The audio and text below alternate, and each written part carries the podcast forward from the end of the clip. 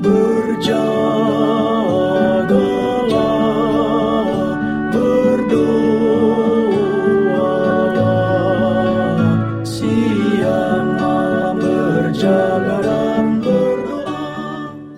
bersama Radio Advent Suara Pengharapan mengikuti pelajaran Alkitab melalui audio Sekolah Sabat. Selanjutnya kita masuk untuk pelajaran Kamis 1 Juni. Judulnya Kasih Karunia untuk Ketaatan atau Penurutan. Mari kita mulai dengan doa singkat yang didasarkan dari Lukas 17 ayat 1. Yesus berkata kepada murid-muridnya, "Tidak mungkin tidak akan ada penyesatan, tetapi celakalah orang yang mengadakannya." Amin.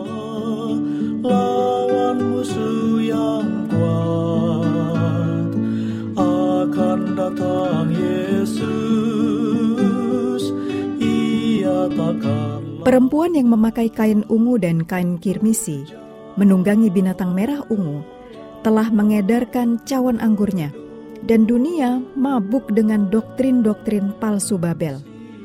Berbicara tentang anggur Babel, di dalam Review and Herald 6 Desember 1892, Ellen White membuat komentar yang jelas ini. Anggur apakah itu? Doktrin palsunya.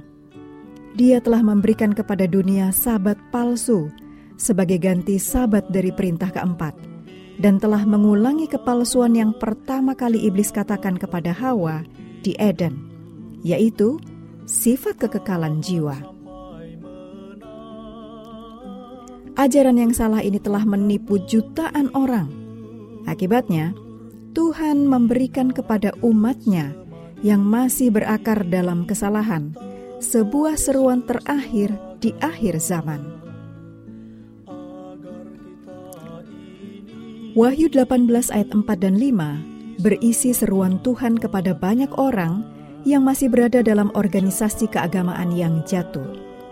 Seperti yang telah kita lihat, dan tetap perlu diulangi. Banyak dari umat Allah berada dalam organisasi-organisasi keagamaan yang telah mengompromikan ajaran-ajaran Alkitabiah.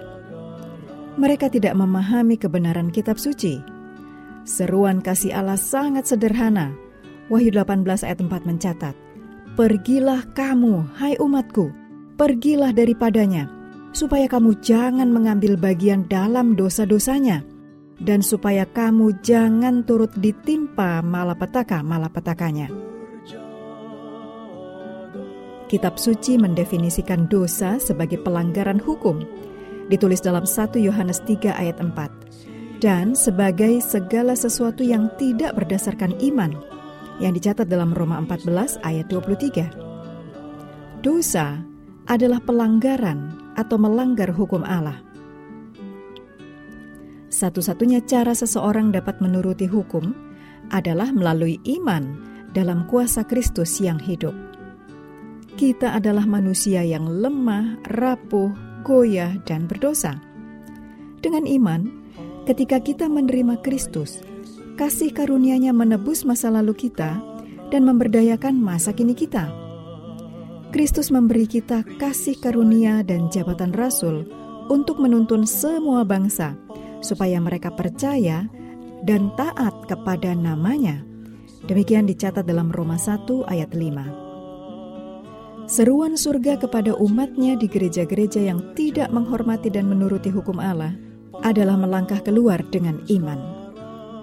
Seruannya kepada umat Advent dalam memelihara sabat adalah untuk meninggikan semua upaya manusiawi yang mementingkan diri sendiri ke dalam penurutan dan menjalani kehidupan yang saleh dengan iman dalam kasih karunia Kristus yang membebaskan kita dari kutukan dosa dan kuasa dosa. Dan sama seperti kesetiaan Israel pada hukum yang dicatat dalam ulangan 4 ayat 6, itu akan menjadi saksi yang kuat bagi dunia, kesetiaan kita juga dapat menjadi saksi yang kuat dan membantu membimbing orang keluar dari Babel. Mengakhiri pelajaran hari ini, mari kembali ke ayat hafalan kita dalam Yohanes 17 ayat 17. Kuduskanlah mereka dalam kebenaran. Firman-Mu adalah kebenaran. Kami terus mendorong Anda mengambil waktu bersekutu dengan Tuhan setiap hari bersama seluruh keluarga melalui renungan harian, pelajaran Alkitab sekolah sabat, juga bacaan Alkitab sedunia. Percayalah kepada nabi-nabinya yang untuk hari ini melanjutkan dari Mazmur pasal 26. Kiranya Tuhan memberkati kita semua.